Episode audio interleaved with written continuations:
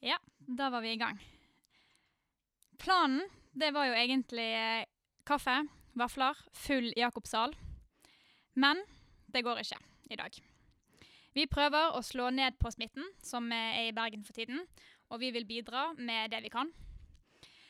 Men like fullt så har vi lenge villet snakket eh, om dette temaet, og vi i Helt ærlig vi har hatt lyst til å lage en podkast. Så nå får vi jo prøvet det en gang for alle. Nå begynner vi dette podkastkjøret. Kanskje det blir flere, kanskje det bare blir denne. Vi får se. Men først sånn bare helt kort. Hva er St. Jakob? Hva er Helt ærlig? For de som eh, kanskje hører på oss for første gang, ikke har kjennskap til oss, så vil jeg bare si at St. Jakob det er Den norske kirke sin satsing i Bergen for ungdom og unge voksne. Vi har opplegg hele uken, og tenker at kirken det er mer enn gudstjeneste søndag klokken 11. Vår visjon er vi bygger fellesskap, vi skaper kultur, og vi søker Gud. Videre så er Helt ærlig et konsept utviklet av KFK-KFM, som har som formål å snakke helt ærlig om alt ifra litt sånn tabubelagte temaer til samfunnsaktuelle temaer. Så hvilket bedre sted å starte enn å snakke om sex og samliv, som vi skal gjøre i dagens Helt ærlig podkastepisode. Det er egentlig på tide å ta dette temaet opp på dagsordenen igjen. I hvert fall i Vi syns det i Den norske kirke og her i St. Jakob, for vi har ikke snakket så veldig høyt om det enda. Ikke belyst det så veldig mye. Og vi er veldig glad for at vi i dag har med oss to menighetsansatte, menighetsutviklere, som jobber med unge mennesker på en daglig basis, kan vi vel si. Så da tenker jeg at først, siden vi er i dette formatet, da, så tar vi litt sånn Lørdagsrådet-style.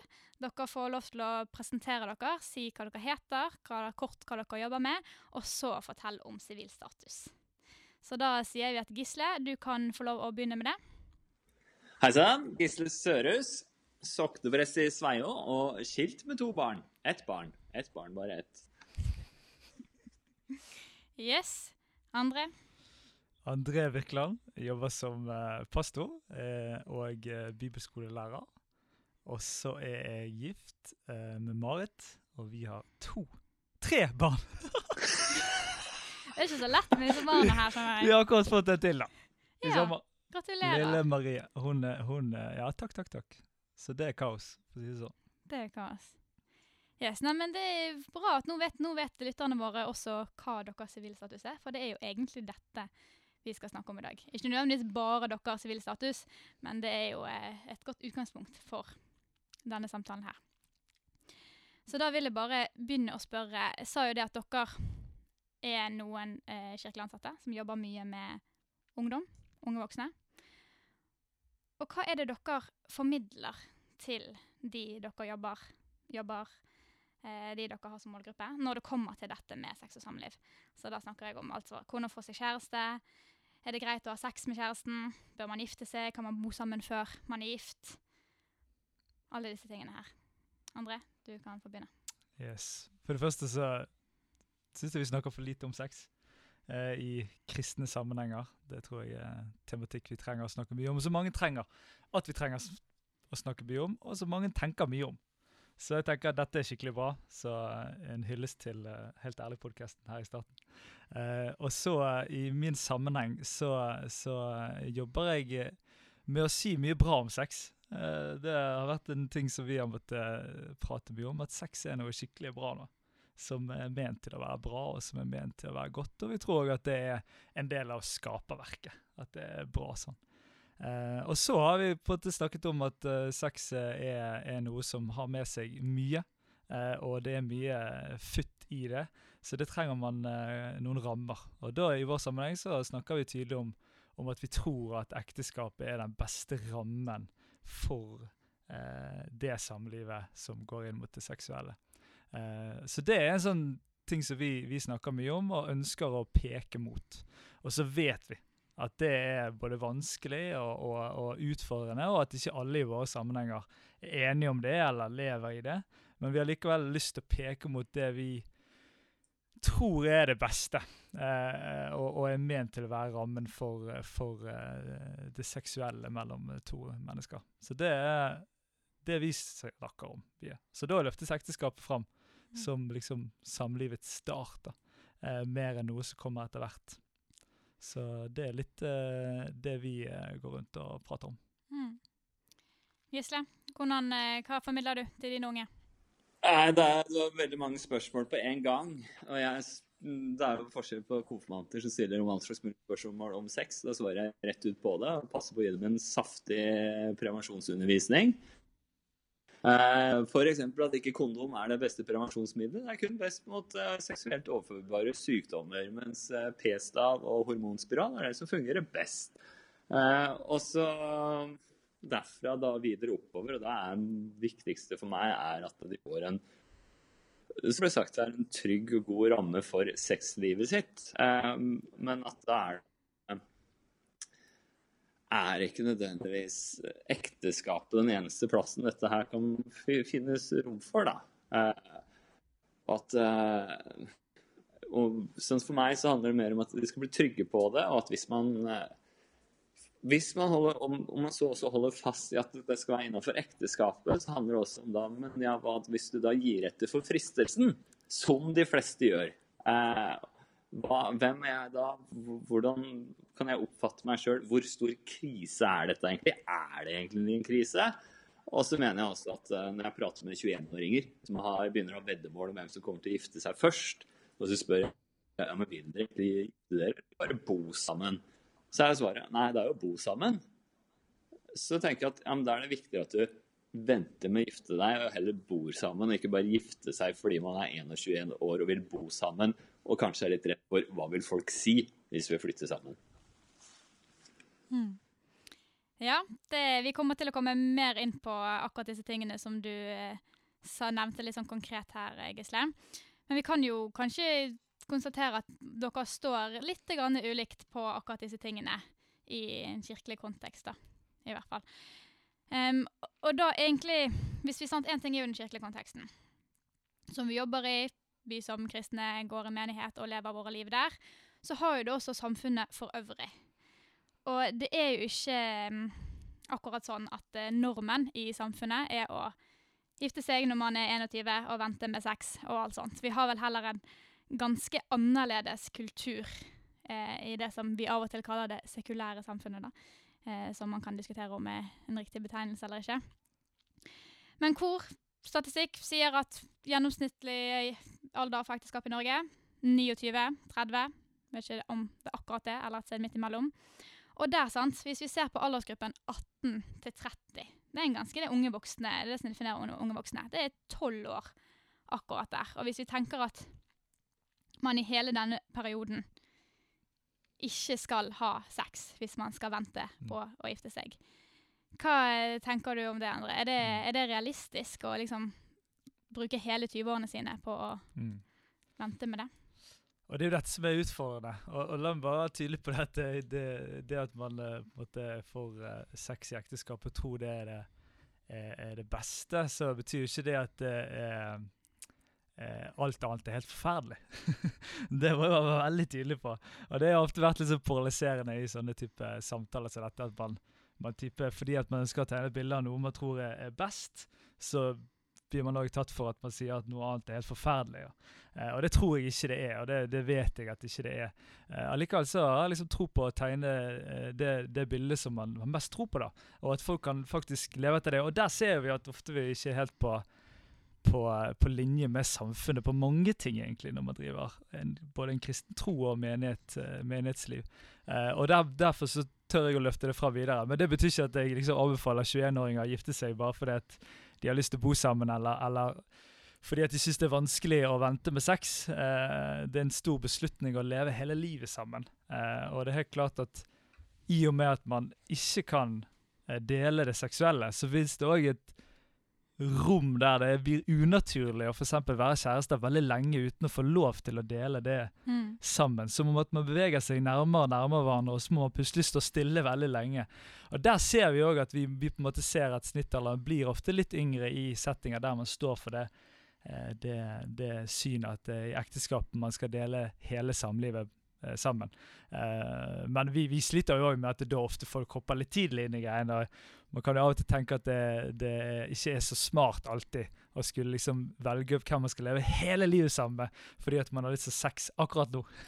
så her må man følge opp tett folk opp, og ikke på en måte ende opp i disse grøftene som ligger da, i, i, i, i føringen på dette. Um, for det er helt klart at det, det, har vært folk som bare gifter seg for tidlig, og dermed gått på, på, på, på si, relasjonelle smeller på det.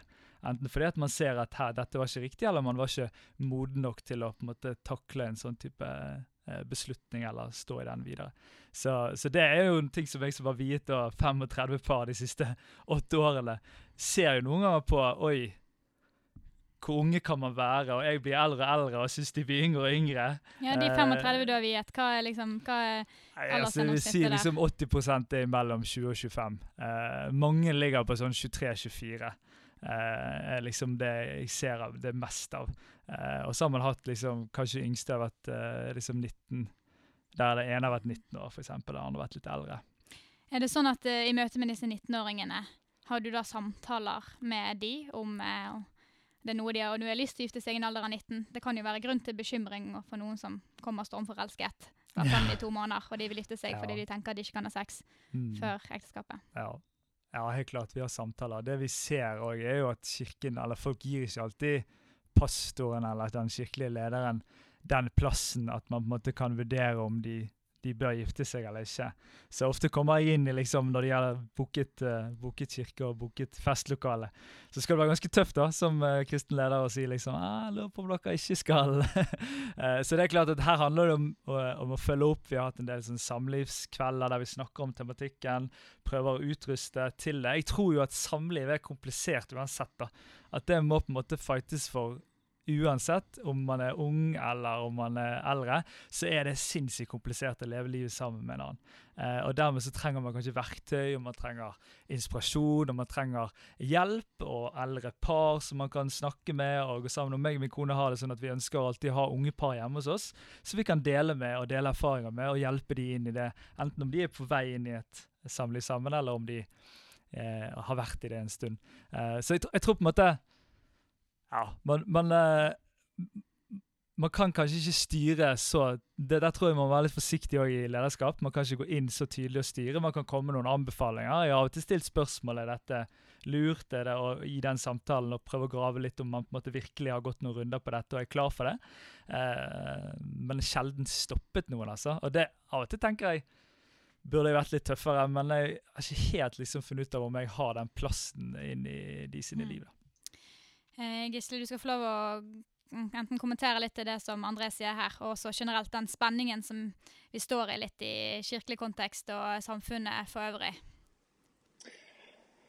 Ja, jeg tenker jo det med at de kommer unge og skal gifte seg, er jo utrolig vanskelig for oss som skal vie dem fordi vi kommer så sent inn. Eh, det, det, var jo Det var ei en gang på 19 år eller sånn som skulle på kontoret nå var å grave gifte seg bare og lurte på dato. Jeg tenkte sånn Nei, det må du ikke.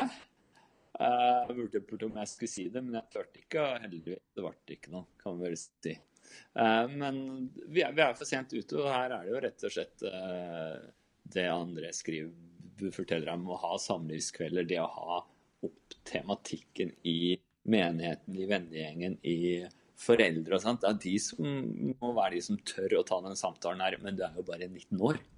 Eh, eh, det blir for sent når det kommer til oss, tenker jeg. Mm. Hva tenker du om eh, dette med å, disse årene som er skisserte, 18 til 30?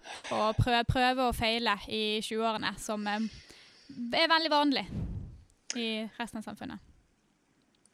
Litt det som utgangspunktet som jeg tenker etter nå, var en TED-talk jeg så med en fyr som pratet om at uh, i livet eller, I samfunnet vårt så ønsker vi mest mulig å forebygge helseproblemer og psykiske helseproblemer. Sant? Vi har eh, opplegg for å slutte å få folk til å røyke, vi har opplegg for å begrense overvekt og alt sånt der. Det ønsker vi å begrense. Sant? Men når det kommer til uh, noe av det som er mest stressende mennesker opplever gjennom et liv, samlivsbrudd, Du scorer veldig høyt på den der teste hva er mest stressende, hva er mest utfordrende, hva er det vi minst ønsker i livet vårt, så er det samlivsbrudd. Samlivsbrudd. Der gjør samfunnet veldig lite for å hindre det. Vi har noe sånn familievernkontor, vi har en, en samtale Vi må, eller vi må være godkjent for gifte. Altså, det er litt sånne ting, men det er ikke mye.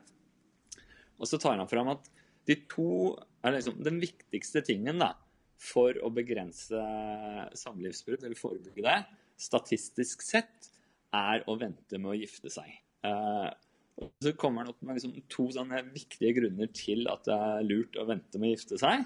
Det er at, eh, at hjernen vår er ikke ferdig utvikla før vi er rundt 26 år. Da er vi sånn ferdig kognitivt utvikla. Den blir ikke mer avansert eller større eller noe sånt etter det.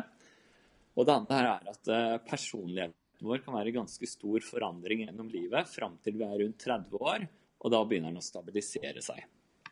Sånn, når folk sier at uh, de vokste fra hverandre, så jeg mener at det stemmer nok ganske sikkert. At det er fra 20 år til 30 år så er det mye som skjer, og det er ikke utenkelig at man vokser fra hverandre. Uh, så hvis man, hvis man, skulle snakke om en sånn ideell alder Jeg liker jo ikke det uansett idealder. Så vil det være sånn fra 30 år utover, da. Uh, men uh, det er mange som har gifta seg mye yngre enn det og fått det til å fungere. Så det er jo ikke nødvendigvis bare, bare det å gifte seg sent. Og det er folk som har gifta seg sent og skilt seg òg. Det er jo, samliv er jo vanskelig og noe du må jobbes med uansett når du gifter deg, tenker jeg. Men jeg tenker å vente er utgangspunktet derfor lurt. Mm. André, vil du kommentere på det? Ja, jeg tenker Det, det er en sånn uh, interessant ting i forhold til det at, uh, at samboerskap er jo, er jo en, en, veldig vanlig form for samliv. og Jeg ser jo at det er veldig mange som veldig tidlig i, sin, uh, i kjærestetiden blir samboere. Uh, og at det er en utvikling man ser at man da må prøve å bo sammen. og sånne ting. Og, og Når man da snakker om samlivsbrudd, så, så, tror jeg at det er Selv om man ikke har på en måte et papir som sier at man er gift, og sånne ting, så vil jo det òg være uh, at man sammenfletter livet så grådig da, med å bo sammen og alt det man gjør sammen. Og når det da blir brudd, så blir jo det òg samlivsbrudd som skjer. da, og, og og Der tror jeg at man liksom lurer, lurer litt systemet. da. Uh, at man tenker ja, men det er ikke så seriøst, vi er bare samboere. Men, men, man fletter jo livene sammen. Og man vet at intimiteten i sex er det mest måtte, bindende mellom to mennesker. Det, det, det, det, er så nært. Du kan ikke dele så mange uh, mer nære ting enn det. Og når man da i tillegg deler gjenstander eller si, et hus eller en leilighet, eller hva det skal være, uh, så tror jeg at man likevel da vil se disse samlivsbruddene. så da må jo man eventuelt også snakke om at det kanskje ikke er smart før man er 30 år. Og da har man òg en ganske lang periode, iallfall da jeg var ung sjøl. Så det har noen sagt til meg da jeg var 18 at jeg ikke kunne få lov til å, å, å liksom eh, lande med noen før jeg var 30. Da hadde jeg eh, si, blitt ganske frustrert, da. Eh, for å si det sånn. Eh, for det, det, virker, det, virker, veldig lang tid. Ikke så lang tid nå, tenker jeg, men når jeg var 18, så virket det veldig lang tid. Eh, så jeg vet ikke om det liksom er en løsning på det, og vente da med ekteskapet. Kanskje man òg må snakke om hvordan man fletter livene sammen. For det er jo det ofte samlivsbruddet gjør det vanskelig, er jo at man plutselig liksom har et forhold til hverandres familier, og så har man et forhold til det, og så er det masse ting som gjør at bruddene blir veldig vonde og vanskelige. Og det er helt riktig som Gisle sier, at det er jo noe av det mest eh, på en måte, traumatiske et menneske kan gå igjennom. Og det ser man òg f.eks. med barn som går igjennom eh, skilsmisse med foreldre, at det er noe av det tøffeste barn kan oppleve. Eh, min kone psykolog og jobber i, i, denne kretsen og sier det at det, det scorer nesten høyest, altså, i forhold til hva traumer for barn i forhold til at det er veldig utfordrende for barna å oppleve sånne type samlivsbrudd. Selv om de ofte kan være riktige og være til det beste for familien, så er det en veldig tøff situasjon for barna å oppleve. Mm. Så samlivsbruddene tror jeg vil skje uansett, da, hvis det, hvis det går an å si det. Ja, Gisle? Ja, samtidig så er det en vesensforskjell på å være skilt og ikke å ha vært i et samboerskap. Det kan jeg skrive under på. at det, Når jeg sier at jeg er skilt da har jeg et større brudd i samfunnets øyne, uansett hvor man sier normalt man sier det og det skjer alle, og det er ikke noe vei med det. Skilt er et annet stempel. Har jeg vært gjennom tre samboerskap, så er det et annet stempel enn hvis jeg er skilt tre ganger. Da er jeg håpløs, det er ikke noe vits for meg å håpe igjen. Fordi ekteskapet har en sånn livslang tanke i seg. Eh, som det skal være. Det, det blir mye mer alvorlig og seriøst enn et samboerskap som ikke nødvendigvis handler om at vi bare vil, vi har lyst til å prøve å bo sammen. Det handler om at man, har lyst til å være sammen hele tida. Det er det som er motivasjonen. Det er fordi dette er kjekt og godt å være. Og så flytter man sammen. Og så vil det være brutt, vondt, det bruddet der òg. Men da slipper du den der ekstra pålastningen på at du har stått der foran en svær forsamling og sier vi skal, vi skal være gift resten av livet, vi skal elske og være hverandre, og vi skal få dette til å fungere. Og så gjorde ikke det allikevel. Det er en større belastning i det. Men så klart, samboerskap er vondt, det òg. Eh, men det, livet er vondt og vanskelig, og det er ja. Uh, så det, det, er en risiko man tar da, når man flytter sammen uansett. Men jeg mener det å gifte seg er enda Hva skal vi si Enda vondere, enda vanskeligere, da. Ja. Eh, Gisle, tenker du om at det fins eh, noen bedre samboerskap enn andre? Altså, du nevnte jo litt andre dette med altså folk som unge som er i samfunnet for øvrig, som gjerne flytter sammen fordi at de har lyst til å være sammen hele tiden, og det, alt er ikke det bare greit å bare dele livene sine med en gang og få det, få det unnagjort. Altså, kan det være noe skille i god og dårlig samboerskap, da, hvis man kan si det på den måten? Gisle?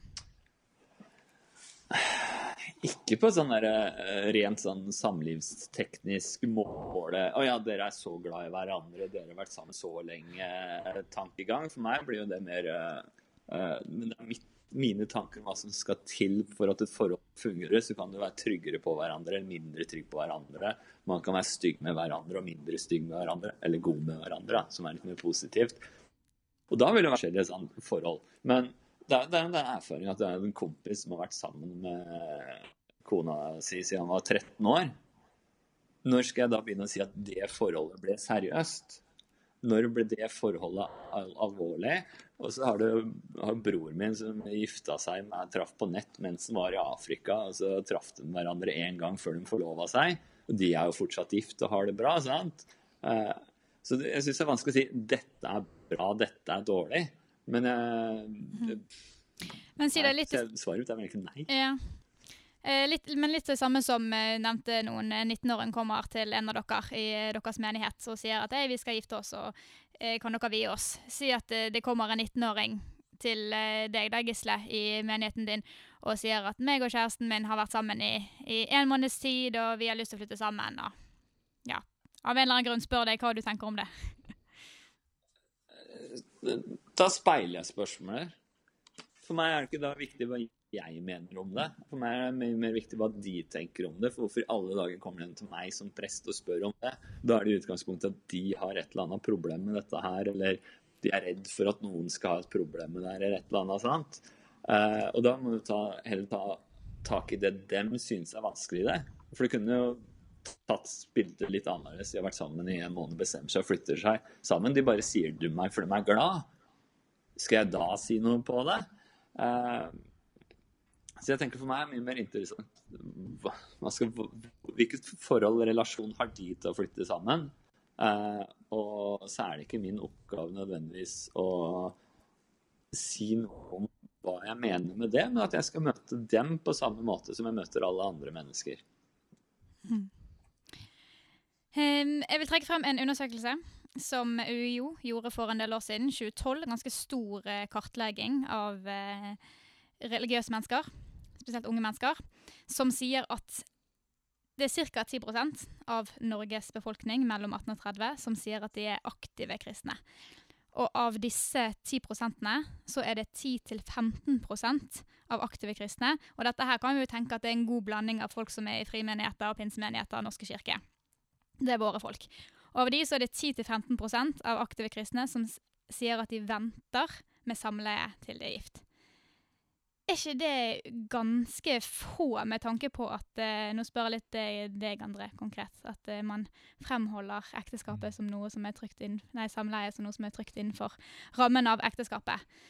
Eh, burde man bare stå på det, selv om eh, i realiteten så er det nesten ingen som lever sånn? Igjen så må man på en måte tørre å peke på Hvis man, hvis man har sett og tror at noe er det, er det beste for, for folk Eh, så, så, må man tørre å stå på det, selv om det ikke er realiteten. Jeg tror det er stor forskjell på å eh, ikke ha klart å holde seg, som er fullt forståelig. Fordi at det er så mye i oss av gode ting som dras oss mot hverandre på dette feltet. Eh, at det er fullt forståelig at det er vanskelig. Eh, at det er stor forskjell på å si vi, vi klarte det ikke, eh, enn å på en måte tenke at det må få lov til å komme når vi har lyst til det. Eh, og det er der jeg tror liksom seksualiteten, eller forståelse av seksualitet og, og på en måte hvor, hvor, heftig det er å dele med noen andre, da, eh, kommer litt inn i forhold til at man, man, ofte deler det, tror jeg, da litt for tidlig. At det gir en litt sånn dårlig start på noe som er veldig bra i forhold til utrygghet, og ikke være kjent med hverandre så godt ennå, og så deler man allikevel noe såpass heftig med hverandre. Eh, og det er der jeg tror jeg syns å se at det er er verdt å peke mot dette. da. Mm. Eh, og jeg har fulgt mange som har både klart det og ikke klart det. Eh, og sjøl den reisen eh, med å, med å måte, klare det, men allikevel synes at det var helt uh, forferdelig vanskelig. Eh, og, og, da, og da liksom allikevel kunne peke på at jeg tror det er bra fordi at det mm. gir at når man først deler noe så stort noe, så deler man det i de rammene av tryggheten av at vi er, er her for, eh, for, resten av livet. Og, og, ingen kommer til å løpe av gårde om dette gikk litt skeivt første gangen. Vi har god tid til å bli flinkere. Men eh, kan ikke det skape en ganske stor skamkultur, hvis det er sånn at eh, det går 85-90 90% av våre ungdommer går rundt og ikke lever etter det Helt dere klart. forkynner. Og Det er derfor man òg må ha en ærlighetskultur. Sant? Sånn at man, man, kan snakke om hva man tror er best og riktig, og så må man også snakke om at, uh, at uh, sånn er ikke det alltid det går i livet. Og, og det er, dette er vanskelig, og man må snakke ærlig om at det er vanskelig. Å møte mennesker der de er eh, i, i, disse tingene. Og, og det har vært stor glede for meg å kunne gå gjennom disse reisene med folk, istedenfor at de Eh, skjuler det for meg som deres leder og, og på en måte later som at alt er greit, så går vi heller sammen om det og snakker om ja, hvordan er det når man blir skuffet over at man f.eks. hadde lyst til å vente, men man klarte ikke det, og så røk man på det. Hvordan kan man få en ny start på det, f.eks. hvis man ennå ikke er gift? Og, og hvordan ser, ser, det ut å på en måte gå i det landskapet av å tenke at noe er rett, eller noe til det beste? Dette vil jeg strekke meg mot. Uh, dette ønsker jeg å, å, å, å, prøve. Og så vet vi at sånn er det iallfall i mitt kristenliv. Da, at jeg har mange sånne ting jeg feiler på hele tiden. Og der tror jeg vi har bommet litt i, i litt mer sånn uh, si, konservative kristne sammenhenger. Da, at vi har ropt ut veldig tydelig hva som er rett, mens vi gjør ikke noe mer enn det. og det er jo på en måte det jeg ønsker å på en måte ta tak i i våre sammenhenger. Da, sånn at ikke det blir denne skamkulturen. Og vi har til og med historier der folk sant, ikke, ikke får god start på sexlivet. for det at de har jo liksom kjempet mot sex hele livet, og så plutselig skal det være godt. Det er derfor jeg prøver å snakke om at dette er jo sinnssykt bra, folkens. ikke, ikke tenk at dette er, er, er, vondt og vanskelig bare fordi at dette er noe man må være ganske bestemt for, og ikke at skal skje før man vil det skal skje, hvis man vil at det skal skje seinere. Fordi at ellers så tror jeg eh, de fleste har sex ganske fort hvis de er glad i hverandre. Eh, mm. Fordi at det ligger så naturlig å ville komme så nært hverandre når man er, er glad i hverandre. Eller elsker hverandre, eller forelsket. Vet ikke hva man, hva man sier. Gisle, har du noe du vil si til uh, André?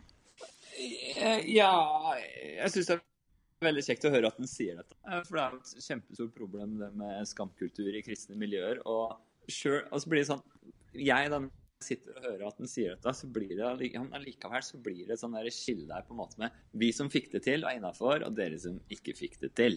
At det kan bli en sånn hva skal jeg si, verdiforskjell da, innad i menigheten. Eh, statusforskjell. Eh, men jeg vil jo også si at eh, jeg har jo hatt sex utenfor ekteskapet. Det har vært fantastisk gøy og artig, det òg. Og problemfritt når det forholdet gikk over.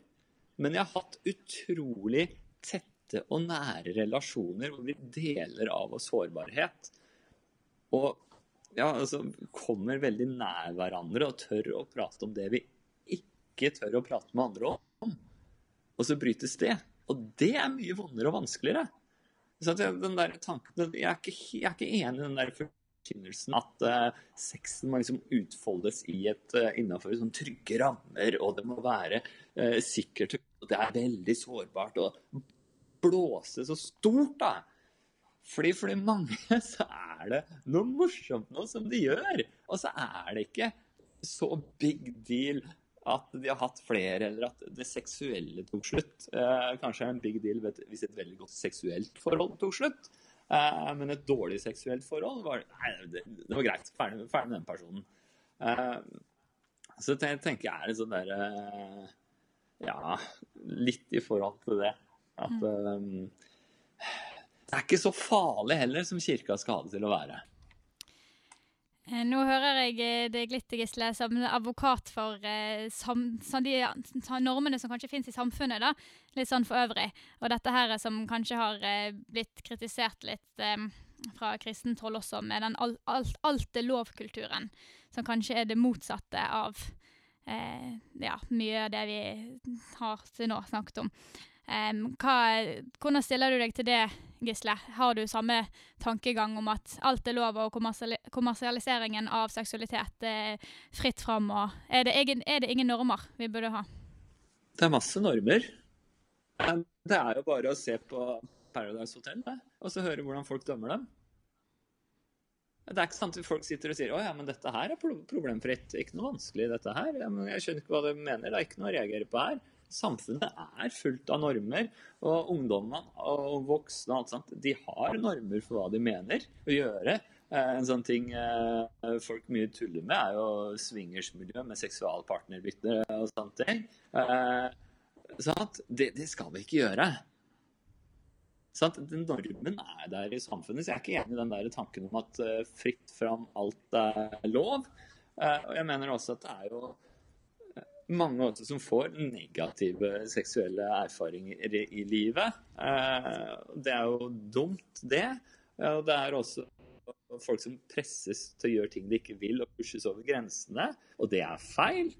Eh, men jeg mener jo at kirka dette har blitt poengtert, er jo ikke noen god samtalepartner i det. Jeg har kun hørt eh, kirka si vent med ekteskapet, eller i beste fall det er best hvis det skjer innenfor ekteskapet.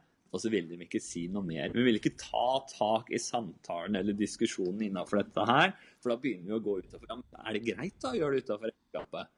Uh, og så blir det fort den der eh, motsatsen. Ja, men da er jo alt lov. Uh, og det, det blir en veldig dårlig veiledning for meg. Eh, og så klart er mitt ståsted så farga av mine livserfaringer og mitt arbeid med å forstå mitt liv teologisk.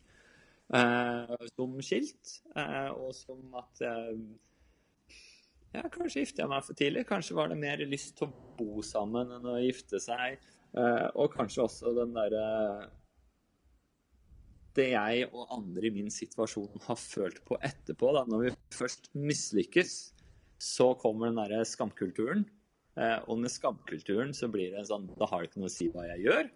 Eh, og så blir det sånn dårlig selvfølelse. Og man har hørt prate med folk som får nedsette bemerkninger fra menighetsmedlemmer etter skilsmisse. Litt sånne ting. Nei, nå blir alt utroskap, eller hor, da, som de kaller det. sant?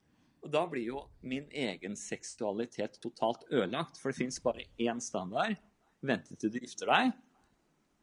Og alt under annet enn det er feil. Og hvis jeg er i den boksen med det som er feil, så blir alt det jeg gjør, feil. Og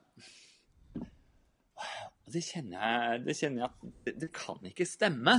Det er ikke sånn Gud kan ha skapt oss. Eh, og, så jeg, ja, jeg mener at det er mye innafor der som er godt, uten at det skjer innafor ekteskapet. Og folk finner sin gode relasjon der. Og som kirke så er det mye viktigere at vi sørger for at folk har en god opplevelse av sin egen seksualitet og sine samliv når de har det, enn at vi skal si 'vent til dere gifter dere'. Mm. Vi, vi har jo sett litt hos oss at, eh, og, og pratet om, om på en måte at denne skamkulturen kommer ganske mye før enn man tror. da. At den kommer egentlig helt fra, fra, fra barn. Altså at, at man måte, Iallfall i en del kristne kontekster, jeg tror egentlig i Norge generelt, da, at man har vært ganske dårlig til å prate om det seksuelle. Man har vært dårlig til å eh, prate, ta de pratene med barna sine. Det er laget egne humor, liksom sanger på NRK Super om at liksom, hvis du sier 'hvordan lager man babyer' til mamma og pappa, så kommer ikke de til å tørre å gjøre noe, og du kan gjøre hva du vil, fordi at de liksom unngår den samtalen. sant? Eh, der man ikke har hatt et språk for det, og der seksualitet i seg sjøl kan bli skambelagt, selv om ikke det er på en måte noe aktiv seksualitet seksualitet i det enda kanskje. Så vi har også prøvd å liksom legge til rette for hvordan utruste eh, foreldre til å, å, prate om seksualitet til barn og ungdom. Og ta den praten. Du er inne på det, Gisle, at, at foreldre må faktisk på banen her da, eh, og, og, være med i denne praten. Og det tror jeg òg kan hjelpe folk til å manøvrere i dette som fort kan bli liksom alt er lov. Selv om det finnes noen rammer, så tror jeg òg at de rammene er, er litt for breie for en 16-åring med boner, holdt jeg på å si. altså, altså, det blir for, det blir for eh, det blir, det blir, Man må ha litt mer håndfast enn som så, da, enn at liksom det er noe som er langt der ute på ene siden. Eh, man må kanskje også være litt tydeligere og litt mer konkret om hva er, er, det beste for deg nå. Hva er, hva er det rette, hva er det gode? Og, og der har jeg lyst til å si at, at jeg, jeg, prøver jo å manøvrere det jeg tror er best og rett, eh, med en annen liksom kompass enn samfunnet. da. Jeg har jo en, en, liksom, en, en, tro på en gud som vil det beste for meg, og så prøver jeg å finne ut av hva er det han eh, sier inn i dette, og, og, og, og, dermed er det beste for oss mennesker i dag. Eh, og det, der er det da kanskje den helligheten som på en måte jeg kan høre at det ikke er så på en måte i hvert fall uttrykt da, i Gisle sine eh, refleksjoner i forhold til liksom Eh, hvis det seksuelle er noe å prøve ut, så, så, har vi kanskje litt forskjellige bilder av det i forhold til at jeg opplever at det er noe mye mer ment å være noe mye mer spesielt og mye mer holdt på å si hellig. Hellig er jo et sinnssykt begrep, da, så vi må prøve å forstå hverandre her. Men, men, det er noe her jeg tenker at man i berøring med alt er lov-greien, da, og alt er greit, så, så det er, det er, ikke lett å være 16 år, altså. Og det er jo, det er jo der de fleste, og, og kanskje tidligere, kommer i berøring med, med dette. Og, og, selv om ikke du har ekteskap inne, så finnes det òg en tanke om at hvis man ikke der snakker om, om at sex, det å ha samleie eller sex er noe som kommer seinere i livet, f.eks., så er jo det òg noe som måtte skje veldig tidlig, blandet med veldig mye greier som ikke er ferdig utviklet i både hjerne og følelsesliv og alt mulig. Og der man ser at det kan få ganske store konsekvenser for folk og sine samliv seinere i livet. da. Mm. Jeg merker at vi beveger oss litt inn på eh, dette som ofte ligger bak det man som enkeltpersoner, men også som kirke, mener om sex og samliv, og det er bibelsyn. Er, egentlig. Og da spør jeg egentlig deg, Gisle, først. Er ikke Bibelen egentlig ganske tydelig på hva som eh, skal gjelde for sex og samliv? Uh, kommer litt an på hva du spør. Uh, gjerne hvilket eh, ståsted de har, da. De som mener man skal vente til ekteskap, de mener jo Bibelen er knalltydelig på det. De som mener nei, det trenger du ikke. De spør hvor står det konkret i Bibelen at du skal vente med sex til du gifter deg. og så står man litt sånn Nei, det står vel kanskje ikke så ordrett noen sted. Jeg tenker jo at det er jo helt klart at Bibelen et, eh, er skrevet i en tid hvor det er behov for å kontrollere seksualitet. Du skal vite hvem du får avkomme, du skal vite hvem som skal arve menighet og Nei, ikke menighet. Arve jorda, dyra dine, alt det der. sant? Eh, du må passe på at det der blir trygge former. Du skal kanskje bruke dem til å skape allianser, sanne ting. Eh, og du har ikke prevensjon, og du har ikke noe samfunn som er rundt deg og støtter deg. 16 år gammel og får barn, og mannen stikker av, er et dårlig utgangspunkt. Så det er klart at Bibelen gjør mye der for å sikre rettigheter til mor, far, barn i sanne situasjoner. Eh, og så er vi i en helt annen situasjon i dag. Vi har prevensjonsmidler, vi har et samfunn som støtter opp. Eh, og det er, det er ikke det samme behovet for å kontrollere da. Eh, som far har ikke jeg behov for å kontrollere hvem min datter gifter seg med. Eh, så det er en helt annen situasjon enn det som er der. Eh, men uansett da, hvilket ståsted du lander på der Jeg er litt sånn diffus egentlig sjøl på hva jeg mener, men jeg mener jo at vi er jo skapt som seksuelle vesener. og vi er ikke skapt å vente til vi blir 30 år, vi kommer til puberteten og er 28. Eh, så tenker jeg at det er eh, det er helt innafor greit å ha sex i yngre alder. Eh, men vær litt lur og pass på at du ikke påfører deg så tår. Men det som er utrolig mye viktigere for meg, er nettopp når jeg leser Bibelen og leser opp de der som har med seksualmoral, så er det én ting vesensforskjell med hva de sier av hva som er idealet, og hva som er hvordan Jesus møter folk. Når han møter uh, møter en kvinne som blir tatt i ekteskapsbrudd. Da sier han riktig Han dømmer henne ikke, han sier riktignok 'gå bort, synd ikke mer'. Når han møter henne kvinne som har vært gjennom mange samlivsbrudd, så sier bare Jesus 'jeg vet at jeg har hatt mange samlivsbrudd'. Han sier ikke 'gå bort og synd ikke mer'. Hun, det står ingenting om at hun endrer livet sitt. Men det som står, er at hun går inn i landsbyen, og så kommer mange folk til tro pga. henne. Hun er den første misjonæren som blir omtalt i Johannes-evangeliet. Og det er også at Jesus felster med toller og prostituerte, eller som jeg liker å kalle dem, Paradise Hotel-deltakere. At Jesus søker nettopp fellesskap med disse folka og kjærlighet, og på en måte vise dem at de er verdifulle og inkludert sånn som de er. Stikk motsatt av den skam kultur som kan dukke opp i en del menigheter hvor det blir forskrudd, da. Den der greia med sex for ekteskap. Og hvis du ikke gjør det, da er, da er det skam. Da er du vekk. Ut. Skitten. Syndig. Ja, og jeg tenker det er kjemperiktig på en måte, si, beskrivelse av grøften til masse konservative miljøer. Da. Og det er en veldig stor del av min, min pastorale tjeneste har gått på på en måte ta et oppgjør med det. Fordi at man ser hvor ufattelig skadelig det er når på en måte en menighet som er bygget på, på, et, på nåde som grunnlag, er nådeløs i møte med hverandre og i møte med eh, på en måte livet. Eh, og det, det, er jo destruktivt og ikke i nærheten av han vi tror på, uh, Jesus, i det hele tatt. Samtidig så har Jesus disse to på en måte perspektivene. Ja, Han møter folk, akkurat der det er, og, og, og sånn. Og så har han et perspektiv av at han snakker sannhet? Om, om det rette og det gode. Eh, og Vi tror ikke på en gud som ikke mener noe om rett og galt. Vi, vi, har en ganske tydelig en måte, etisk eh, moral som går igjennom på mange områder, og Jesus løfter ofte listen til et nytt nivå i forhold til på en måte det å, å, å bare, bare, du har tenkt at du har gjort det med noen, så altså, han tar sånne nye nivåer av, av på en måte hvordan det kan være med å eh, ja, gjøre ting med deg i forhold til uh, rett og galt, og, og, og, og, hvordan leve etter det.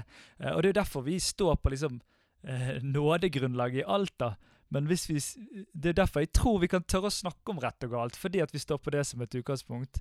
ellers så tror jeg det blir, blir, for tungt for oss alle. Men jeg kan ikke liksom møte skamkulturen med å si at vi da ikke skal løfte fram rett og galt fordi at folk opplever det vanskelig eller utfordrende. Da må vi heller jobbe med nådedelen i fellesskapet og kjærlighetsdelen i fellesskapet enn å på en måte eh, i hermetegn da endre på, på, rett og galt. Da. For det er ikke bare i seksualitet da det blir et problem på en måte i forhold til mange andre områder. Hvis vi skal snakke om rett og galt, så er det folk som veldig fort vil kjenne skam knyttet til om de har gjort det som er rett, eller det som man tenker er det, er det, gode. Da må vi heller snakke om at vi er alle syndere. Det er det som er utgangspunktet vårt. Og så er vi tilgitt, og så får vi lov til å, å, å strekke oss etter og få kraft til å leve annerledes. Eh, og Det er det jeg kjemper for, da. Eh, men jeg, jeg, tror ikke løsningen er å liksom endre på regelverket, da. det er ikke liksom min plass. Det er litt mitt bibelsyn, da. Det, det er ikke min plass. Jeg, jeg har fått noe jeg skal prøve å finne ut av hva vil dette si inn i vår tid i dag, og, og hva vil det si som, som, jeg ikke kan drive og endre på, og hva er kontekst og sammenheng som man må og måtte se at det er kulturelt betinget i den tiden man lever i. Mm. Men dette med rett og galt, og regelverk som du nevner, hvem, kan det bli en utfordring? Eller kan det noen gang tenkes at det er ikke så svart på hvitt? At det er rom for tolkning av hva som er innenfor, og hva som er utenfor. Helt klart, og det ser man. Og iallfall hvis man liksom tar kontekst på alvor, så vet jo man at vi, det, det, er 2000 år siden, og det er lenge, og det er mye utvikling og forskjellige ting, og alder og alle disse tingene. Jeg er veldig fan av det, samtidig som at man må på en måte også finne ut av når går grensen. Hvis Jesus løfter fram ekteskapet mellom mann og kvinne i alt han på en måte gjør i forhold til en type kjærlighetsrelasjon, så er det veldig vanskelig for meg å si at det liksom bare var kontekst da må det være noe mer evig. Ellers så blir det veldig lite av det som, eh, som står i, i, i, Bibelen, som blir på en måte evig og gjeldende videre. Da. Og det, det, det, kjenner jeg nok er en utfordring, men at jeg er glad for at vi eh, iallfall i mine sammenhenger da, har begynt å, å, klare å ta på alvor mer kontekst, ta på alvor mer den sammenhengen, eh, og at vi lever med nåde som utgangspunkt uansett. Og da, da, kan man tørre å peke mot noe som er bedre, uten at det knekker oss. da. Mm. Gisle? Ja, for jeg, jeg har et litt mer pragmatisk forhold til disse reglene, da. Eh, fordi for meg, min, min, erfaring, en ting jeg alltid må leve med gjennom hele livet mitt, er at sønnen min eh, må vokse opp med foreldre som er skilt. Eh, han har det veldig bra. Jeg samarbeider godt med ekskone og uh, mye alt sånt der. Og han har, for, han, får, han har sine fordeler òg med dette skilsmisseopplegget med at vi har en annenhver, halvparten av tida hver. Men var, han må hele livet vokse opp med at eh, innimellom savner han mamma, innimellom savner han pappa. Sånn er det hele veien. Han får ikke være med begge to på julaften. Eh, sant? Og hvis, hvis formål, For meg er det mye viktigere at vi som kirke må, jobber for å begrense antall samlivsbrudd med barn, enn å sørge for at folk venter med sex til de gifter seg. Og derfor, siden da folk venter ikke til de er 30 med å gifte seg Statistisk sett så får folk barn eh, Førstegangsfødende kvinner er 28 år. Eh, Førstegangs ekteskap er 30 år. sant? Det henger ikke sammen. Og når vi også ser at de menigheter, eller de som er opptatt av dette her, de gifter seg generelt tidligere, så øker sannsynligheten for ekteskapsbrudd. Og det er altså sånn at i ekteskap, mener jeg, så er koblinga til å få barn mye tettere lettere enn et samboerskap. Veien å gå fra å være gift til å tenke skal vi få barn? Ja, vi skal jo få barn en gang i tida. Vi skal være gift resten av livet. Ja, vi får begynne å prøve, da. Og så får man barn. Den er kortere hvis du er 20 år gammel blir samboer, for å si det sånn. Uh, så derfor så tenker jeg at det er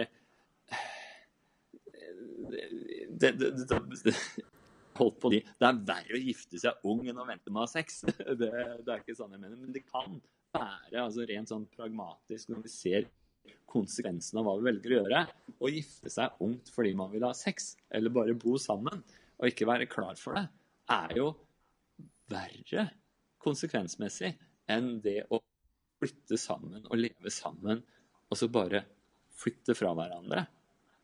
Hvis det ikke resulterer i et barn barn som må vokse opp med skilte foreldre. For det er utrolig mye konflikt, og det er noe som preger barnet mye. Og selv om det der hvor det er godt samarbeid, og man strever for å få dette her til ikke ramme barnet, så vil det allikevel ramme barnet. Og det er i disse store rammene her, innafor den kristne fortsatt, jeg tenker at det er helt greit å si har du lyst til å ha sex, så ha sex. altså Ikke gå og gift deg bare for det. Har du lyst til å flytte sammen, så flytt sammen. altså Ikke gå og gift deg pga. det. Og så mener jeg at det er helt innafor en god moral, og jeg kan finne belegg for det i Bibelen. Hva sier du, André? Er det viktigere å verne om sex før eh, ekteskap enn skilsmissebarn? Eh, jeg tror jo at eh, det er ikke noen motsetninger her, da. Det er det første jeg vil si. at Jeg tror, jeg vet nå ikke hva statistikken er, men det er klart at min erfaring er ikke at, at uh, mange har det, og i min foreldreeldre generasjon også er det veldig mange som har uh, giftet seg tidlig, og som fortsatt lever sammen, som uh, har vært i mer sånne type konservative sammenhenger der man ofte har giftet seg tidlig. og så må man også snakke om at det finnes, det er mulig å, å, bli kjent med hverandre og glad i hverandre og finne ut av hverandre uten å ha sex, og at det kan være bra. Sexen tar veldig fort over. Det blir fort det det handler om. Det blir fort det som man trekkes mot, og så, og så går man litt glipp av det og på en måte være nysgjerrig på hverandre. Hvem er du, da? Hva, hva tenker du om dette temaet? Altså disse dype pratene, disse tingene. Jeg er glad for um, at jeg ble sjøl utfordret på det, og, og, og, og, bruke tid på det. Der jeg iallfall merket med meg sjøl at det fort kunne ta overhånd med følelsene og, på en måte tiltrekningen i det. Uh, og at det er mulig å, å, ha gode kjærlighetsforhold i det. Eh, men som jeg sa tidligere, så tror jeg jo at det kommer til et punkt der det er vanskelig å, å på en måte fortsette å ha et vanlig forhold hvis man ikke får bevege seg videre. Da. Og Det er jo kanskje det jeg av og til møter i en sånn type vurdering. Hvis man uansett har tenkt å gifte seg og tror dette er den beste å gifte seg med, så fins det òg en vurdering der hvis man venter for lenge, så blir det unaturlig kjærlighetsforhold til slutt, fordi at man ikke får dele samlivet. Og hvis man deler det, så har man kanskje litt dårlig samvittighet eller er litt skuffet over seg sjøl. Det er en litt sånn vond situasjon å være i, da. Uh, så det er derfor jeg, jeg det går jo an å, å, å liksom trenger jo ikke å bli liksom superseriøst eh, sammen veldig tidlig heller. eh, alltid. Jeg sjøl måtte litt takknemlig for at jeg ikke hadde kjæreste i ungdomstiden. For eksempel.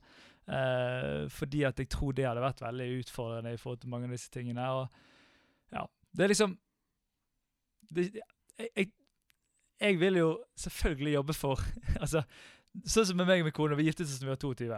sant? Og jeg tenkte jo jeg var superklar for det, liksom. Jeg var jo tidenes voksne fyr. sant? Og jeg tror av og til umyndiggjør vi litt for unge folk. sant? Jeg tror jo folk mange er på en måte reflekterte og vil noe. Men det jeg har sett er at når vi giftet oss, så er det nesten viktigere det som skjedde etterpå, enn det som skjedde før. på en måte. Det er jo hvordan vi bestemte oss for at dette skal vi kjempe for, og når ting går dårlig, så bestemmer vi oss for å ta tak i det og ordne opp i det og snakke sammen og tilgi hverandre. og Alle disse relasjonelle hjørnesteinene som fins. da. Eh, og, og der tenker jeg at det er mulig, selv om på en måte samfunnet gjør noe helt annet, så er det faktisk mulig å gå den veien. Og jeg opplevde, har opplevd den som god for meg, og jeg har sett det rundt meg for andre, at det er, det er en, en god vei å, å bygge samlivet sammen i ekteskapet, istedenfor at samlivet til slutt på en måte ender i et ekteskap. Dere har jo eh, vært litt, eller vi utfordrer dere litt på å være litt personlige, og Gisle, du har delt litt um, om din, ditt første ekteskap eh, som endte i en skilsmisse. Og du, André, sier du giftet deg når du var 22. Em, og det jeg lurer litt på, da, eh, som selv også er unggift Jeg har jo tenkt at i denne podkasten så skal jeg også komme med litt av min historie, for eh, hvis jeg prøver å balansere det her Jeg eh, giftet meg da jeg var 23, men før det så bodde meg og eh, min mann sammen i to år, da. Så vi var samboere fra vi var 20. Og det har vi sett på en, liksom, en litt sånn pragmatisk løsning, litt sånn som Gisle var inne på, var inne på her. Eh, litt reft det du snakket litt tidligere om, eh, Gisle, med å være ferdig utviklet som menneske når man er i en alder av 26 og personlighet i en alder av 30. Kan det tenkes at det er flaks hvis man gifter seg tidlig? At det går bra, liksom. Om det går bra eller Ja. ikke bra. Her sitter, Ja. her sitter dere to eksempler. Mm. Begge giftet seg, alle tre har giftet seg i ung, ung alder. Er det, hvis det er normen, er det egentlig bare et eh, Russian roulette-spill? Andre? Jeg vil svare nei på det spørsmålet. eh, fordi at jeg, jeg eh, det, det vil være en kjip beskjed å gi til alle som jeg har viet. At eh, vi får se om det er flaks eller ikke, liksom. Jeg tror jo at livet treffer oss da som mennesker, uansett. Og det treffer litt forskjellig, og det treffer litt av forskjellig tyngde av forskjellige typer ting som treffer oss, og enten har truffet oss tidligere i livet eller treffer oss. Og Det betyr at dette er, som jeg sa tidligere, noe av det mest komplekse man gjør det er jo å leve livet eh, så tett som i ekteskapet, eller å bo sammen så nært hverandre eh, med et annet menneske over lang tid. Helt klart. Men det, men det kan ikke bare være flaks. Eh, det, det tror ikke jeg på. Jeg tror det er hardt arbeid. Jeg tror det er, er det. Og så vet jeg at det betyr ikke at når man ikke det gikk, så hadde ikke man hardt arbeid.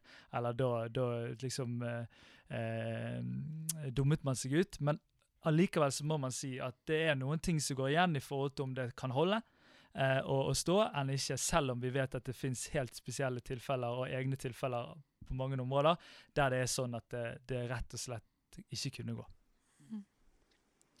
Gisle, hva sier du? Er det flaks?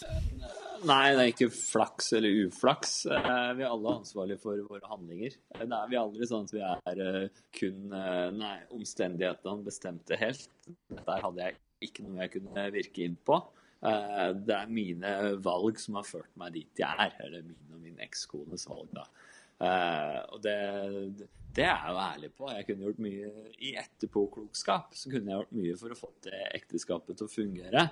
I etterpåklokskap så ser jeg også at det var en del ting som når vi gikk inn i det ekteskapet, som tilsa at vi kanskje egentlig ikke skulle gifte oss. Vi burde ha venta. Grunnlaget var kanskje feil. sånne ting. Eh, men jeg vil ikke kalle det er jo når jeg sier at du lar vente, så handler det bare som at statistisk så er det større sjanse for at man kommer til å fungere sammen i lengden da.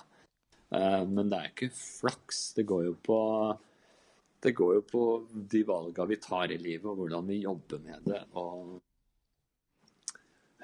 ja, Men du mener at man har en eh, tilfeldigheter, så klart. Men det er ikke flaks-uflaks. Nei, men du kan mene at vi har en eh, større sjanse for å få det til å funke hvis man eh, tar seg litt lengre tid, tenker seg litt mer om, prøver litt. Ja, det, det, det, mener jeg. At det er, eh, det er det absolutt. Og det er jo det som er poenget mitt. Nettopp derfor hvorfor vi må tone ned vent med, med sex til du gifter deg. Fordi at eh, det gjør at folk gifter seg tidlig. Det gjør at det blir større sjanse for uh, uh, samlivsbrudd eller ekteskapsbrudd. Uh, men det er ikke det er ikke det er dermed sagt en nødvendig sammenheng med det. På samme måte som at eldre folk er mer utsatt for for uh, å dø av korona, så betyr det ikke at alle som er gamle og får korona, dør. Uh, men det er en større sjanse for det. Uh, så for meg så ligger det en sånn indirekte anbefaling der om å vente med å gifte seg. Heller pool rundt, men ikke, men, ikke, en sånn der anbefaling om å ikke gifte seg, hvis det er det man er klar for, da. Bare for å liksom grave litt i akkurat den der. Altså, hvis man er vant til å f.eks. ha sex med mange forskjellige i hele formingsfasen av livet, og så skal man da fra man er 30 år til man er 85 har sex med én person. Vil ikke det være også, grunnlag for på en måte, jeg håper å si, utroskap eller samlivsbrudd?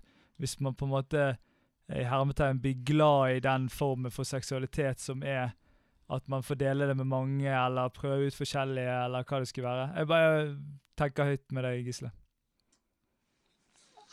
Forutsetninga der er vel litt også det at man er poly, at man har sex med flere samtidig. for de fleste, Jeg regner med at utgangspunktet her er at man er monogam før man gifter seg, og så fortsetter man å være monogam. Min erfaring er vel heller at uh, det er verre å være bundet til denne ene personen hele tida. Og så kommer barna, og så er det bare disse her jeg skal være med hele tida. For jeg har ikke tid til noe annet. Jeg er vant med å være med mange. Jeg er vant med å ha masse fritidsaktiviteter. Nå sitter jeg hjemme hver dag og sitter og ser på barne-TV og putter grøt i en uh, unge som gulper det opp og skifter bleier. Og så er dette livet mitt. Ja, det, er det er mye mitt. mer kjedelig og ensformig. Jeg tror hvis, uh, Mens det å ha, ha hatt mange seksualpartnere. Det kan også være som å ha hatt veldig mange venner som har gitt mye inspirasjon og innflytelse, og faktisk bidra til at dette forholdet det blir langt over lang tid. Men jeg tror at for dem som bare har hatt én seksualpartner, og er sammen med en som har mange, og har den derre tanken som du bærer fram der, om at Eh, dette blir ensformig for den andre. Så kan det skape usikkerhet i den, men det sier jo mest bare om synet til den som sier dette. Og ikke så mye om synet til den som har, hatt eh, mange seksualpartnere, hvordan livet deres blir. Jeg tror vi, eh, vi, skal gå mot en avslutning. Det har vært utrolig spennende å høre deres tanker om dette temaet. Og så hvis vi skal prøve å samle oss om noe, da så er jo det kanskje dette om at vi som mennesker prøver å strekke oss etter de idealene som den kristne troen utfordrer oss på. Ikke altså på mange områder i livet. Det er jo, vi når jo aldri helt opp, det, det vet vi. Og så er det dette med at vi kanskje likevel kan komme med ganske forskjellige konklusjoner på hvordan, på hvordan det ser ut. Som eh, vi har gjort her i dag, egentlig. Så vil jeg også bare nevne, eh, for de som har lyst til å dykke litt mer dypt inn i dette, og se på hva er det eh, Den norske kirke mener, som St. Jakob eh, vi er Den norske kirke. Og så har vi brukt en sånn rapport som ble utredet for et par år siden, 2013, som er skrevet av, en, av et utvalg på vegne av bispemøtet som heter Sammen samliv og samlivsordninger i et kirkelig perspektiv. Den går det an å søke på på nett. Man finner den ganske enkelt. Og der er det et eh, ja, heftig 100-siders eh, dokument om eh, alt vi ikke har rukket å komme inn på på denne, denne timen her. Nå vil jeg bare si tusen takk til eh, deg, André, og tusen takk til deg, Gisle. Vi håper at kristne ikke bare snakker med andre kristne innenfor sin egen menighet, og som er enig med seg selv. Det er egentlig derfor vi har lyst til å løfte opp denne samtalen, og også inviterte dere to, som er fra forskjellige, forskjellige menigheter. Denne samtalen den er ikke ferdig, håper vi. Vi håper at eh, vi får spørsmål fra lyttere. Eh, dere kan sende spørsmål på Facebook-siden vår, eller eh, ta direkte kontakt med oss. Og så hadde jo det vært kjekt om det kunne kommet en ny samtale ut av diskusjonen i kjølvannet av denne podkasten. Og eh, kanskje live, sånn som vi hadde tenkt. Og at eh, dere kanskje har lyst til å komme tilbake. Det får vi, det får vi se på. Men eh, takk for nå, så eh, høres vi.